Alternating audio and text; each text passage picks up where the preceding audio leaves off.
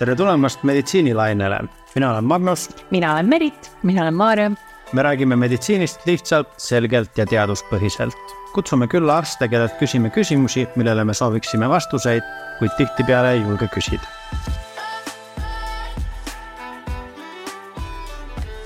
tere taas meditsiinilainelt, täna räägime sellisest teemast nagu seljavalu ja meil on külalisena siin Tommy Ründal, perearst. tere, Tommy.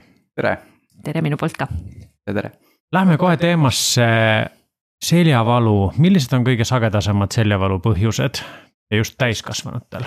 noh, kui me räägime seljavalust, siis peame alustama nii-öelda algusest. kunagi miljonid aastad tagasi otsustas ahv kahele jalale minna ja kõndida ja sellest tulenevalt siis noh, seljale langeb väga palju stressi, raskust. ja seepärast see selg on selline mingil määral nagu habras mm. -hmm. näiteks, et sa mõtled, et sa tõstad mingit kümnekilost raskust, aga teatud biomehaanika põhjuste tõttu võib seal mingis kohas olla pea kahesaja kilone selline jõuõlg tekkida. ja nüüd selg ise on ka, et seal on nagu erinevaid struktuure ja kõik nad võivad saada kahjustada. aga kõige sagedasem, üheksakümmend protsenti juhtudes on see ikka sihukene mehaaniline põhjus. Et siis ongi siis, kas inimene tõmbab mingisuguse lihase ära või seal mingisuguse ligamendi, tekib lihaspasm. ja siis, aga noh, on ka seal teisi selliseid vähem sagedasi põhjuseid aga kas selline modernse inimese elustiil, nagu me elame, et istume palju kontoris ja nii edasi, kas see ka soodustab seljavalu tekkimist? jaa, kindlasti soodustab, et tegelikult seljavalu on üha sagedasem probleem, see on suur väljakutse ühiskonnale, meditsiinile. et räägitakse isegi, et seal heaoluriigis on see kulu kakssada miljardit dollarit aastas. ja kindlasti seda kõike soodustab selline passiivne elu, tundasendid ja paratamatult ka selline stress. aga mida ma siis saaksin teha, kui mul see, ma tunnen, et noh, tööl on loomulikult kiire ja kõik pereelu ja muu, et mida ma saaksin siis teha, et seda leevendada, seda stressi seljale? kõige lihtsam on hoida nii-öelda tervislikku aktiivset eluviisi.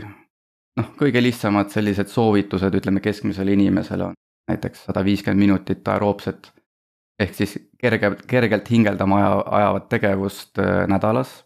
Äh, soovitavalt kaks korda nädalas mingit jõutreeningut omal soovil.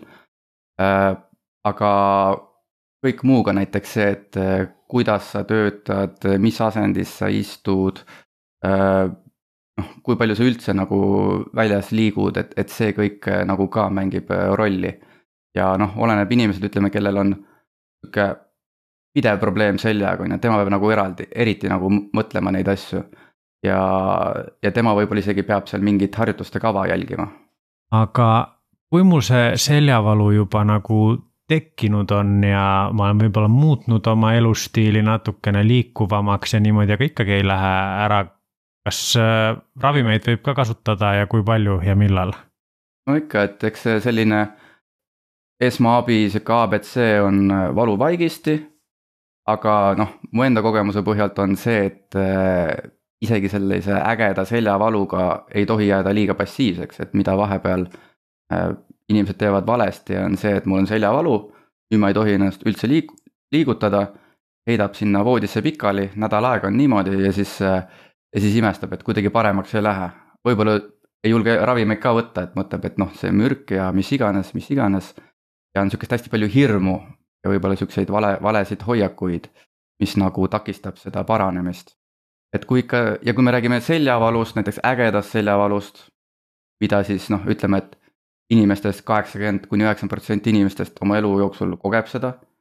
iga aasta viisteist, kakskümmend protsenti kõigist inimestest kogeb seda. et see äge seljavalu tegelikult see on, see on nagu, nagu viirusinfektsioonis see eh, köha, mis võib kesta sul seal Äh, kuus nädalat ja see on täitsa normaalne.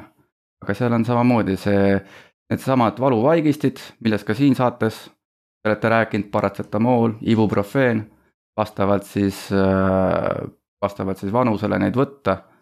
et äh, alustad sellest, et saaks natukenegi liikuda äh,, liigud ringi, kui vaja, teed natuke harjutusi, kui jääd väga hätta ja see asi üldse paremaks ei lähe või see valu tõesti on nii äge, nii äge ja nii tugev, et kuidagi nagu üldse ei saa olla, et noh, siis loomulikult võib võtta ühendust seal oma perearstikeskusega. aga kas on vahet ka, et kas seda, kui mingit ravimit võtta, kas see peaks olema tableti vormis, ibuprofiin, paratsetamool või on ka igasuguseid keele ja külmakeele ja ma ei tea, mida iganes? et noh, mina soovitaks ikka võtta tableti vormis, kõige paremini nagu ära näidatud, kuidas ta imendub, kuidas ta mõju avaldab. et ta jaotub niimoodi kehas kõige noh, ütleme, me teame seda kõige paremini. paljud äh, inimesed ütlevad, et äh, mul on tehtud mingit süsti. Ma tahan mingit äh, jah, mingit eri, erisüsti või mingit erilist asja, noh. tegelikult see nagu otseselt vaja ei ole, et see on sama, mis sa võtad suukaudsed ravimid ja kui rääkida igasugustest keelidest, siis eh, noh, külmakeelid ja siis sama need eh, kuumendavad keelid, et ega neil ka nagu otseselt nad nagu midagi siin nagu kiiremini ei ravi, noh küll võib olla sihuke ajutine, ajutine sihukene leevendus võib sellel olla. Sa rääkisid natuke ka, et mõned võib-olla peavad jälgima mingisugust kava Äh, või sellist liikumiskava või mingit venitamiskava või mingit sellist äkki, et kus, kus selliseid üldse leida võiks või kust sellega alustada võiks, kui ma tahaksin nagu hakata rohkem, rohkem liikuma?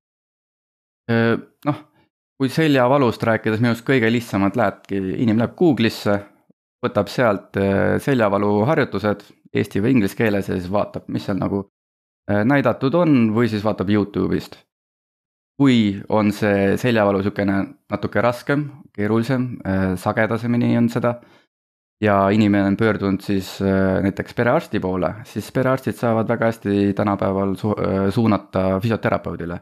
ja nemad on nagu eksperdid. sest nemad nagu näevad seda asja natuke teise pilguga, arst võib-olla lihtsalt üritab välistada need noh, triažeerida selle nii-öelda raskusastme, välistada raskemad haigused aga kui vaja, siis ta saab teha füsioterapeudile suunamise. füsioterapeut äh, vaatab kõik need liikuvused, asjad üle ja siis näitab need harjutused ette ja minu arust see on nagu väga, väga selline hea ja õige viis. ja tavaliselt ongi, et, et, äh, et sa ei pea ka nagu, et nüüd hakkadki käima seal viis korda nädalas äh, füsioterapeudi juures. et nad on hästi sellised mm, paindlikud, et tegelikult seal võib olla nii, et näitab sulle seda paar harjutust ette ja siis ise lepite kokku, et kas käidki, käid seal temaga koos nii, nii-öelda võimlemas. või siis äh, tegelikult ongi, ta usaldab sind koju, võib-olla mingi paari nädala pärast tuled, näitad ette. ja siis äh, vastavalt siis vajadusele näitab ta neid harjutusi, et võib-olla üks harjutus ei sobi sulle. tunned, et see tekitab sus rohkem pingeid, rohkem valu. näitab teise või siis aitab sul sellest nagu valuhirmust teatud piiris äh, üle saada. aga täitsa lihtne ka lihtsalt ise lähed Google'isse ja vaatad ja lihtsalt, et peaasi, et sa teed midagi. et peaasi, et see kõige hullem on see, kui sa passiivselt noh, nii-öelda valu kartes äh, oled edasi seal sundasendis, siis vaat see viib need asjad nagu hullem, hullemaks. igasugune liikumine tuleb, tuleb ikkagi kasuks aga kujutame nüüd ette olukorda, et äh, mul on olnud seda seljavalu päris palju ja ma olen võtnud ravimeid ja mul on nüüd natuke mingi liikumiskava paigas ja isegi olen füsioterapeudi juures käinud. kui kiiresti ma võiks siis nagu oodata seda valu leevenemist, et see asi võiks nagu paremaks minna? noh, tavaliselt ikkagi äge valu võiks esimese kahe nädalaga tavaliselt ikka kaob ära. et inimesed alguses võivad täitsa hädas olla, öelda, et no ma ei suuda üldse liikuda aga nagu siis nädala-kahega helistad, räägid seal siis tegelikult juba nagu vaikselt äh, läheb üle. aga on täitsa sihuke neli-kuus nädalat on ka täitsa normaalne aeg ja noh, teatud juhtudel me räägime juba kroonilisest seljavalust, siis see on seal, kus on üle kaheteist nädala. ja ütleme, neid inimesi just nagu tuleb natuke komplekssemalt vaadata, sest äh, äh, me räägime nagu seljavalust, kus on nagu see mehaaniline põhjus, aga on ka ja just nagu siuksel äh, heaoluriikides me rohkem näeme ka seda, kuidas ütleme, stress, äh, depressioon, äh, inimese selline emotsionaalne seisund, kõike seda mõjutab. ja siis me võib-olla peame nagu noh, nii-öelda inimest natuke rohkem uurima, küsitlema ja leidma selle mingisuguse muu lahenduse. et nii-öelda kuidagi parandada seda ravi aga kaua peaks ootama, et perearsti poole pöörduda? kust ma tean, kust see piir läheb, et, et, et nüüd on juba sedavõrd palju seda valu, et, et võiks? noh, kui see valu on ikka kogu aeg läheb nagu järjest hullemaks ja siin nagu ja, ja inimene kahtleb, noh, alati saad siis ühendust võtta. meil on äh, omad nii-öelda punased lipud, ehk siis äh, nagu need spetsiifilised sümptomid, mis viitavad sellele, et see selja, seljavalu pole selline mittespetsiifiline, vaid seal taga võiks olla midagi tõsisemat ja kus siis nagu peaks äh, kiiremini tegelema inimesega. ja selleks on äh, siis näiteks, et inimesel on selline seljavala, valu, millega kaasneb näiteks, äh, et ta ei suuda uriini kinni hoida. või vastupidi, ta ei suuda urineerida ja samamoodi ka roojapidamatus. Või ta ei tunne näiteks seda lahkliha piirkonna ehk selle hargi vahelt ei tunne nahka. või siis ongi see, et, et tal jalg, ma ei tea, et seljavalu, kiirgub jalga ja ta ei suuda näiteks labajalga liigutada või selline, sellised nii-öelda neuroloogilised sümptomid, mis siis, millega peab siis tegelikult kiiresti tegelema. samamoodi me ikka vaatame natuke teise pilguga, kui tegu on traumaga, ta on kuskilt kukkunud. Noh, teatud juhul on normaalne, sa lööd põlve ära ja läheb natuke aega ja siis läheb paremaks, aga ütleme, kui see on ikka kõrgemad kukkumised või suure traumaga mingisugune liiklusavarii ja et siis me vaatame ka selle teise pilguga. alati ka, kui seal on muid nagu imelikke sümptomeid, ma ei tea, palavik või kaalulangus, mingi imelik higistamine või teatud nagu riski, riskipatsiendid ka, kes võtavad näiteks hormooni või. ja noh, eri, erigrupp loomulikult ongi siis äh, vanurid ja ütleme, lapsed või üldse nagu nooremapoolsest, et praegu see enamik seljavalud on pigem seal kolmkümmend kuni nelikümmend, ütleme, räägime nendele, kus see kus me ka näeme, et see on nagu järjest nagu süvenev probleem.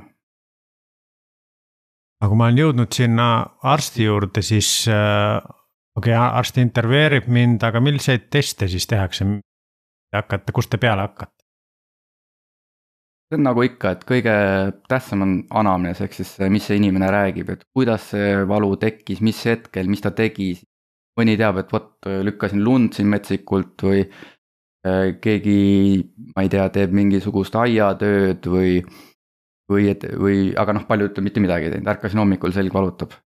aga samas äh, noh, ja siis me, kui vaja või noh, mitte kui vaja, me kindlasti nagu teeme ka objektiivse uurimise, vaatame, kuidas see selg liigub, kuidas see inimene üldse kõnnib, kui ma näen ta juba näiteks kutsun selle äh, inimese oma kabinetti, ma juba koridoris tegelikult näen, on ju, mõni nagu üldse ei saa liikuda mõni ta tegelikult tõuseb nagu püsti suht-, suhteliselt niimoodi hästi, et juba selle järgi saad hinnata ja siis meil on nagu mõned sellised spetsiifilisemad testid, et seal. et heidetakse sinna uurimislauale, tõstame seal sirget jalga, noh, vaatame nii-öelda, et kas seal on mingit närvi sellist kontakti. näiteks, mis siis tekitab seda valu ja et võib anda signaali, et kas seda seisundit võiks kuidagi teistmoodi käsitleda. aga tavaliselt jah, me räägime me uurime inimest ja üldjuhul väga suurel hulgal juhul sellest piisab tegelikult. et kui nüüd edasi rääkida, et noh, meil on röntgen, noh perearst saab teha röntgeni, siis seljast röntgen on väga suure kiirguskoormusega. Kui kopsuröntgen, kopsuröntgen on ja siis seljast röntgen on viisteist kopsuröntgenit. see on nagu selline noh, loomulikult ei ole mingi noh, selles mõttes, et hetkel, et kohe nagu midagi nüüd juhtub, kui sa saad selle aga see on sihuke kumulatiivne kiirgusdoos, mis nagu äh, võib mõjutada ühel hetkel äh, inimese organismi, et selles mõttes äh, eriti noortel lastel seda seljast röntgenit me nagu väga harva teeme ja on ka ravijuhendites, et tegelikult see nagu noh, see näitab noh, üldiselt on ainult, kui on suur trauma, tegelikult ta ei ole nagu vajalik teha. päris huvitav, seda ma ei olnud kuulnudki sellisest asjast mul tuli meelde, sa mainisid siin lume lükkamist ja sellist, et kas, kas see seljavalu patsientide hulk, kas see talveperioodil kasvab? ma nagu, mulle pigem, pigem tundub, et ta nagu kogu aeg suhteliselt stabiilne, võib-olla talveperioodil äh, äkki isegi ei kasva, sest inimestel on nohud-köhad ja siis, ja, ja siis see segab neid rohkem, aga ongi, et sul on igal hooajal, sul on nagu oma selline nii-öelda probleem, mis sul seljavalu tekitab. noh, mõne, mõni käib näiteks jõusaalis või teeb metsikult sporti, siis tema võib igal hetkel midagi ära tõmmata. aga ongi siin talvel lükkame lund ja suvel seal lõikame õunapuud ja, ja nii edasi ja nii edasi. Aga millist äh, ravi või valuravi siis perearstid äh, veel määravad peale, et, et, et, et ise võib võtta seda paratsetamooli, ibuprofeeni, kas äh, te perearstid siis annate välja ka mingeid kõvemaid ravimeid? ja no kui, kui vaja, siis loomulikult, sest meil on paratsetamool, ibuprofeen ja siis on meil ibuprofeeni tüüpi ravimeid, mida me võib-olla, mis on võib-olla nõksa tugevamad, saab võtta üks kord, kaks korda päevas. Ja ega sealt edasi järgmine samm ongi selline äh, nõrgem opioid, opioid ehk siis nagu noh, inimesed klassikaliselt teavad morfiini, loomulikult morfiini me niimoodi otseselt ei kasuta, aga ütleme kodeiin on ju. et siis alustame sellega ja siis sealt äh, vajadusel saame edasi minna kas siis tugevama opioidile saame kirjutada sihukest spetsiaalset äh, närvivaluravimeid, äh, mis siis võtavad seda nii-öelda närviülekannet natuke vähemaks, et ehk siis selline kiirguvat valu nagu vähendada. et see oleneb äh, patsiendist ja et missugune nagu, et mis on tal need kaasuvad haigused ja võib-olla, et kas mõnest ravimist on mingi kõrvaltoime.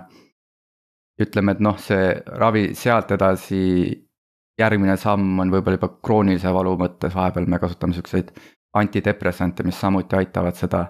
noh, on näidatud, et aitab seda valu remodelleerida inimese nii-öelda kehas. ja noh, kui inimene läheb juba kuhugi edasi, seal neurokirurgile, lülisambakirurgile. et siis seal äh, vahepeal tehakse ka selliseid blokaade, püstitakse äh, täpselt äh, nii-öelda valuvaigistit sinna nii-öelda sinna kohta, kus see valu tekib.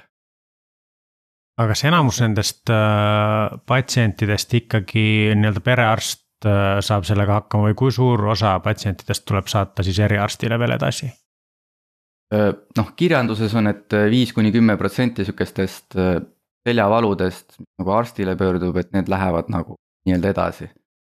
ma ise ütleks, et ma pigem äh, äh näen veel rohkem sellist nagu mittespe-, spetsiifilist eh, seljavalu, millega me tegelikult saame ise hakkama mm, -hmm. aga aga inimesed eh, võib-olla tihti nagu on nagu ebakindlad, et ikka tahaks teada, millest täpselt ja mis on, et väga palju soovitakse minna neuroloogile, ortopeedile, neurokirurgile, aga noh, et sinna tegelikult eh, väga tihti ikka vaja ei ole saata, sest ega seal valuravi on neil praktiliselt sama, mis meil ja ütleme, et see leid, ütleme, et noh, inimesed soovivad näiteks, et ma tahan. ütleme, mina õppisin, et mis asi on MRT seal ülikoolis. aga tänapäeval umbes kõik inimesed tulevad uksest sisse, tere, seljast MRT on ju. et kuidagi väga teadlikud on. ja MRT kindlasti näitab mingit leidu. aga ma arvan, et see leid, see leid võib olla minul, teil on ju. et see on nagu noh, seal nähakse mingit kulumist ja, ja nii edasi, tihti sellist kulumist ja see on nagu sellega, et sul nagu ikka on nagu kortsud näol või sul on mingi mõni hall karvake juustes, et see tegelikult ei ole selline patoloogia. sest tihti on ka nii, et see leid, mis me seal äh, magnetuuringul näeme, et see ei lähe sellega kokku. valu inimene kogeb ja võib ka vastu, vastupidi olla, et leid on hästi suur, aga inimene nagu kõnnib ringi nagu midagi ei oleks. et selles mõttes on see väga, tasub mõelda, et, et keda ikka edasi suunata ja, ja noh, et kõige tähtsam, ma ütlen veel kord, on ikka liikumine, ravi kehakultuur, et see on selle vundament. Sa mainisid natuke neid äh, punaseid lippusid seljavalu puhul, mille kohal teie siis uurite natuke teistmoodi seda seljavalu. kas need on needsamad asjad, et kui inimene ise märkab neid lipukesi nii-öelda, mis me siin mainisime, et siis oleks vajalik pöörduda otse EMO-sse? teatud juhul ja, et kui ikka on nagu just need nii-öelda, just need äh, närvisümptomid, et, et kui ta nagu seda, et see mingi tundetu ala tekib sinna hargi vahele või see uriini pidamisvõime kaob ära või siis roojapidamatus tekib või selline, et jalga ei saa liigutada, noh põhimõtteliselt siis võib ka otse minna. Äh, kõik teised, ütleme argipäeval, et äh, äkki on ikka võimalik enne nii-öelda oma perearstikeskusega ühendust võtta kus siis pereõde näiteks hindab esmaselt ära, et, et mis seal, mis ja kui kiiresti seal äh, tegema peaks ja kas näiteks äh, peaks inimene minema arsti vastuvõtule või siis arst võtab temaga ühendust. aga no loomulikult, kui ikka inimesel tundub väga kummaline seis, noh, meil on ka telefoninumber üks, kaks, kaks, null. tasuta perearsti nõuandeliin on ju, et sealt saab ka alati küsida. tundub küll väga, väga mõistlik jah. aga mis siis, kui äh, patsient äh, paneb tähele, et need punased lipukesed nii-öelda on, aga ignoreerib neid täielikult, mis tüsistused siis võivad tekkida? Äh, seal võib tekkida niimoodi, et võibki olla, et see noh, kui rääkida nendest äh, närvisümptomitest, äh, kaudoekviina sündroom, siis seal ongi nii, et kui tal on see imelik tundetu ala seal, siis see närvikahjustus võib olla nii mm, raske, et see närv põhimõtteliselt nagu sureb ära. Ja siis see, see funktsioon siis ei tekigi tagasi, näiteks et ta ei saagi oma jalga lõpuks seda liigutada või, või, või kaobki see roojapidamisvõime ära. et selles mõttes on vaja nagu kiiresti seal sellisel puhul nagu operatsiooni, noh loomulikult on need igasugused äh, noh, need teised sümptomid nagu, kus, kus võib-olla kahtlustad seda pahaloomulist kasvajat või siis, või siis mingit sellist infektsiooni, et need võivad ka nagu noh, haigus lihtsalt areneb nagu edasi, ilma et me võib-olla õigel ajal saaks sinna jälile. aga noh, ma kordan ikka, et see on nagu pigem ikka, mitte pigem, vaid see ongi väga harvad juhud aga kui on kahtlus, tasub nagu rääkida oma selle pereõe, perearstiga. kas sa leiad, et, ähm, et ka nagu ma mõtlen, et võib-olla üldine selline asi, millest inimesed räägivad, et on võib-olla seljavalu ja, ja kurdavad, et, et mul ei ole aega nagu sellega nagu väga tegeleda, et töö on, on milline ta on ja nii edasi. et, et, et kas tööandjad võiksid ka panustada võib-olla sellisesse nagu selja tervisesse rohkem, mis sa arvad? no loomulikult ja noh paljuski näed, et on sellised ähm, noh, töötervishoiu meditsiin on nagu Eestis natuke parem. Äh, üha rohkem on sihuke, et näed, et siuksed ohutusnõuded ja seal nagu käsitletakse ka just nagu töövõtteid ja niimoodi räägitakse ka sellised stressis. et, et nagu kuidas vältida sellist nagu tööstressi asendeid ja, ja nii edasi ja nii edasi, et ongi, et kasvõi, et äh, võib-olla õpetas, kuidas nagu targalt nii-öelda istuda, et, et, et see ei ole väga lösakil et sul mingil ähm, toolil on seal võib-olla alaselja tugi ja nii edasi, et isegi tegelikult on nagu soovitus, kuidas nagu targalt seista. Et võib-olla üks jalg natuke kõrgemal ja nii edasi, et, et, et tööandja kindlasti peaks neid riske nagu hindama. ja siis nagu vastavalt ka tegelema ja sest äh, nagu ennist ütlesin, siis see on tegelikult väga kallis selle seljavaluga nii-öelda haiguslehel olla ja see on koormus nii sellele inimesele, kes siis peab seal kodus olema, kui ka sellele tööandjale. ja et seepärast nagu võiks seda oma selle töökeskkonna üle vaadata. Ja, ja võiks üritada ennetada neid asju või vähemalt anda endast nii palju kui võimalik. kas sa oma töös näed ka sellist mingit vanuse nagu, et milline see taval-, kõige tavalisem seljavalu patsient on, kas on mingi teatud vanusegrupp, kellele see hakkab kõige rohkem nagu külge? ta on ikkagi sihuke keskiga, sihuke nelikümmend ja seal ümber, kolmkümmend kuni viiskümmend, et pigem on seal. Võiks arvata, et, et võib-olla jah, see on just see iga, kus see liikumine võib-olla väheneb. võib-olla jah, et sul on sihuke elu on natuke mugavam mm.. et diivanid on äh, suuremad, muretsetud koju ja niimoodi, et äh, samas inimesed teevad ka palju tööd, siis loomulikult tahad lõõgastuda ka, aga, aga siis on ka lihtne niimoodi üle pingutada mm. -hmm kui me uurisime nüüd Instagramist, et räägime seljavalust, siis neid küsimusi tuli tegelikult väga-väga palju. Et ma küsiks praegu sinu käest nüüd siit mõned ära et näiteks uuriti ka seda, et kui on nõgus selg, et mis on nagu need soovitused, mida teha, millele tähelepanu pöörata, mis see nõgus selg üldse tähendab? no mingi imelik sõna lordoos. ja me räägime, noh, nagu ma alustasin, et äh, ühel hetkel tõusime ja hakkasime kahel jalal kõndima ja siis see selgroog muutus sihukeseks S-kujuliseks mm. -hmm. ta muutus S-kujuliseks ja seal need äh, kumerused ongi, et äh, küfoos on näiteks see, mis on seal, ütleme, turja juures. ja lordoos on siis see alaselja juures seal teistpidi nii-öelda nõgusus. ja noh, see kõik on selleks, et siis äh, seljas oleks võimalik sihuke äh, noh, paremini liikuda, et see saaks, stabiilsem olla ja samas, et see igasugused traumad nagu, et ta selg nagu pehmendaks seda. Ütleme, kui on see, see lordoos võib olla nagu tõesti liiga nõgus, et ta kuidagi surub nagu liiga ette, ta võib vastupidi olla liiga selline lame. ja see nagu tekitab, tekitabki pingeid sinna teistes kohtades seljas ja võivadki need lihasspasmid, lihas äh,, väiksed vigastused tekkida, et äh, tegelikult äh, on füsioterapeut on see, kes nagu kõige paremini oskaks nagu, ta teeb sulle rühitreeningu, jälgib seda asja, äh, oskab mingeid harjutusi anda, mõned ütlevad näiteks, et, äh, et seljavalu kontekstis on tähtis nii-öelda tugev kõht. selles mõttes, et kõhulihased samamoodi, et see ei ole see, et sa ainult teed seal neid seljaharjutusi, et tegelikult üle keha niimoodi sa pead ikka vaatama, et see keha on selline tervik kas seesama, mis tuli ka ühe küsimusena, et kui ma seisan hästi pikalt, hakkab mu selg valutama, on ju, et, et kas see seisu asend, kas sellele peab kuidagi tähelepanu pöörama? ja et seismise kohta öeldaksegi, et, et sa võid natukene, noh, töökohad võivad olla, kus seda on nõutud, on ju, et peadki on seal. mis iganes juuksurid ja, ja kes iganes, aga et et targalt seismine tähendab siis seda, et sa näiteks seisad nii, et üks jalg on natuke kõrgemal, vahetad natuke tasakaalu niimoodi paremalt vasakule, vasakult paremale. ja samas ka see rühi, rühihoia, hoiak, et mis nagu ka seda äh, aitab neid nii-öelda pingeid jaotada õigesti, et see kõik nii-öelda ei koguneks sinna ühte kohta. sellised, äh, mul tuli praegu meelde sellised, ma olen näinud mingeid reklaame sellistest äh, rühivestidest, mis selga, kas need töötavad? Äh, ma arvan, et äh, neil on nagu väga spetsiifilised näidustused.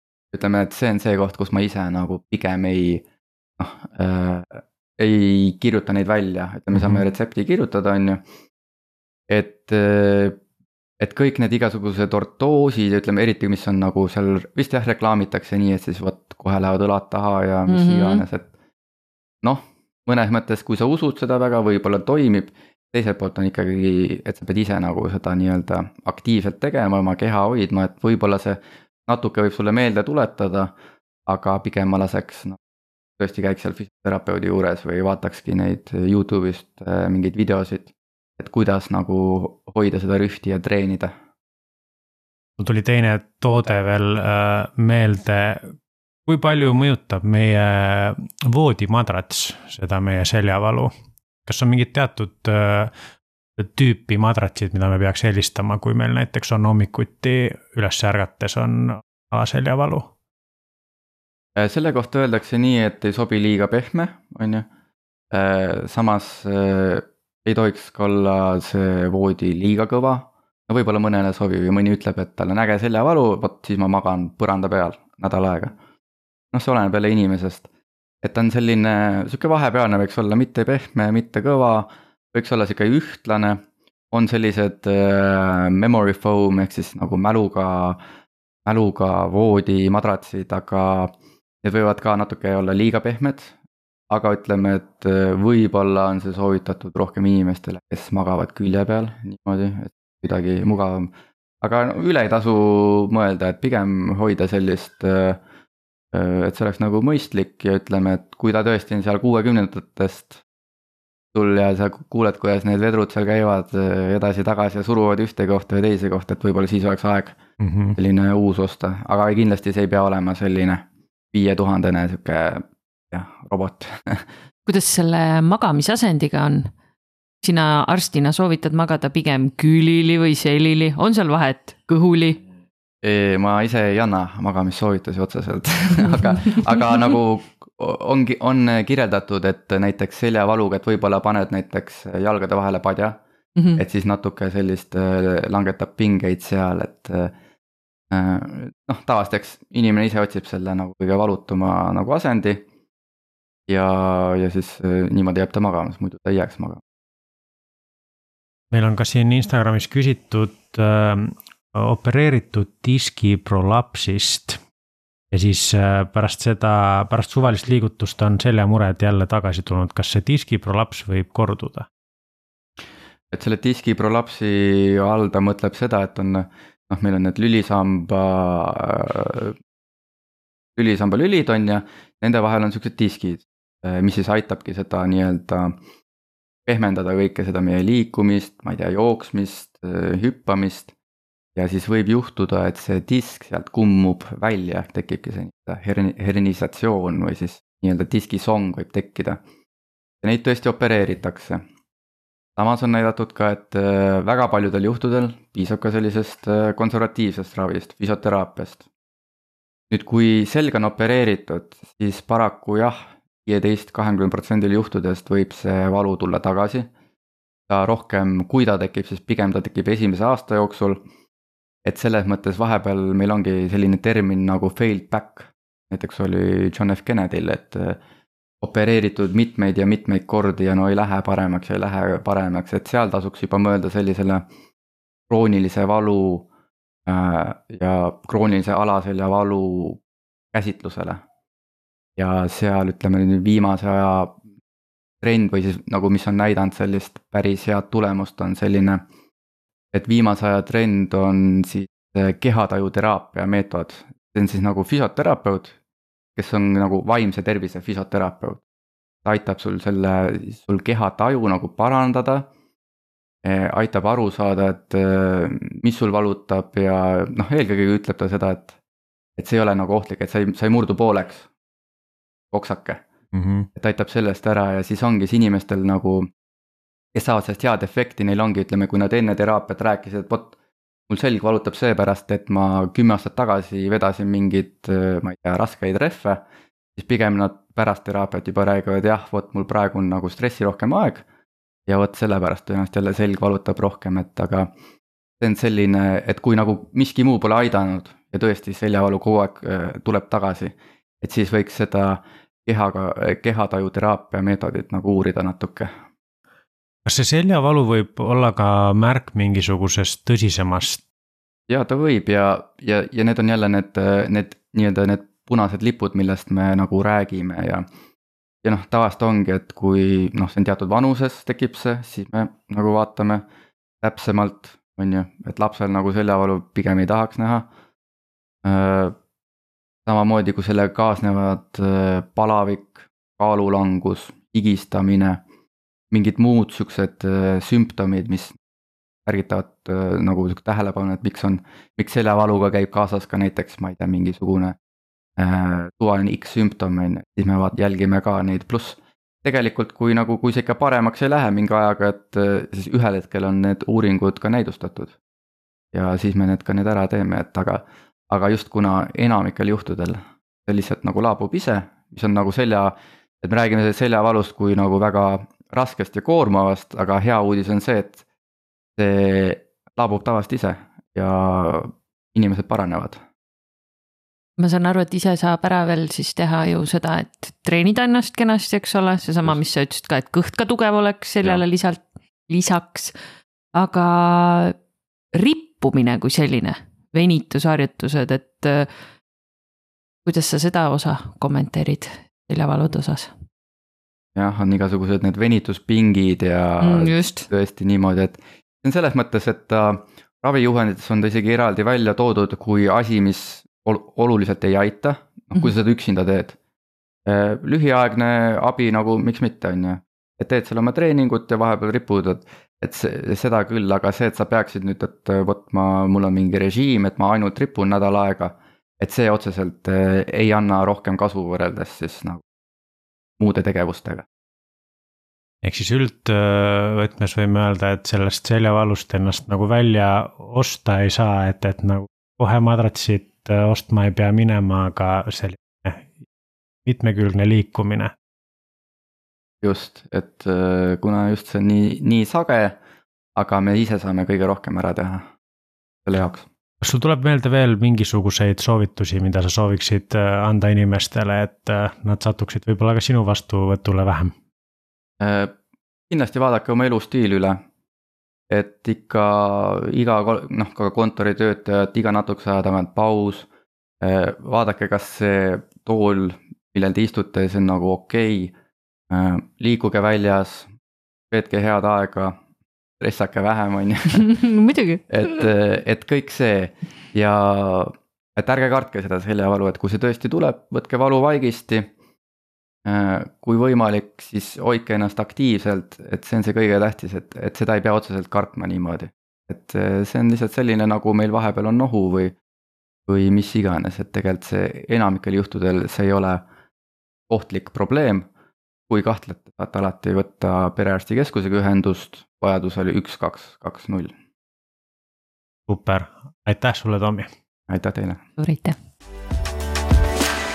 aitäh, et oled meiega meditsiinilainel, leiad meid ka Instagramist ning postkasti ootame küsimusi ja tagasisidet. kohtumiseni järgmisel lainel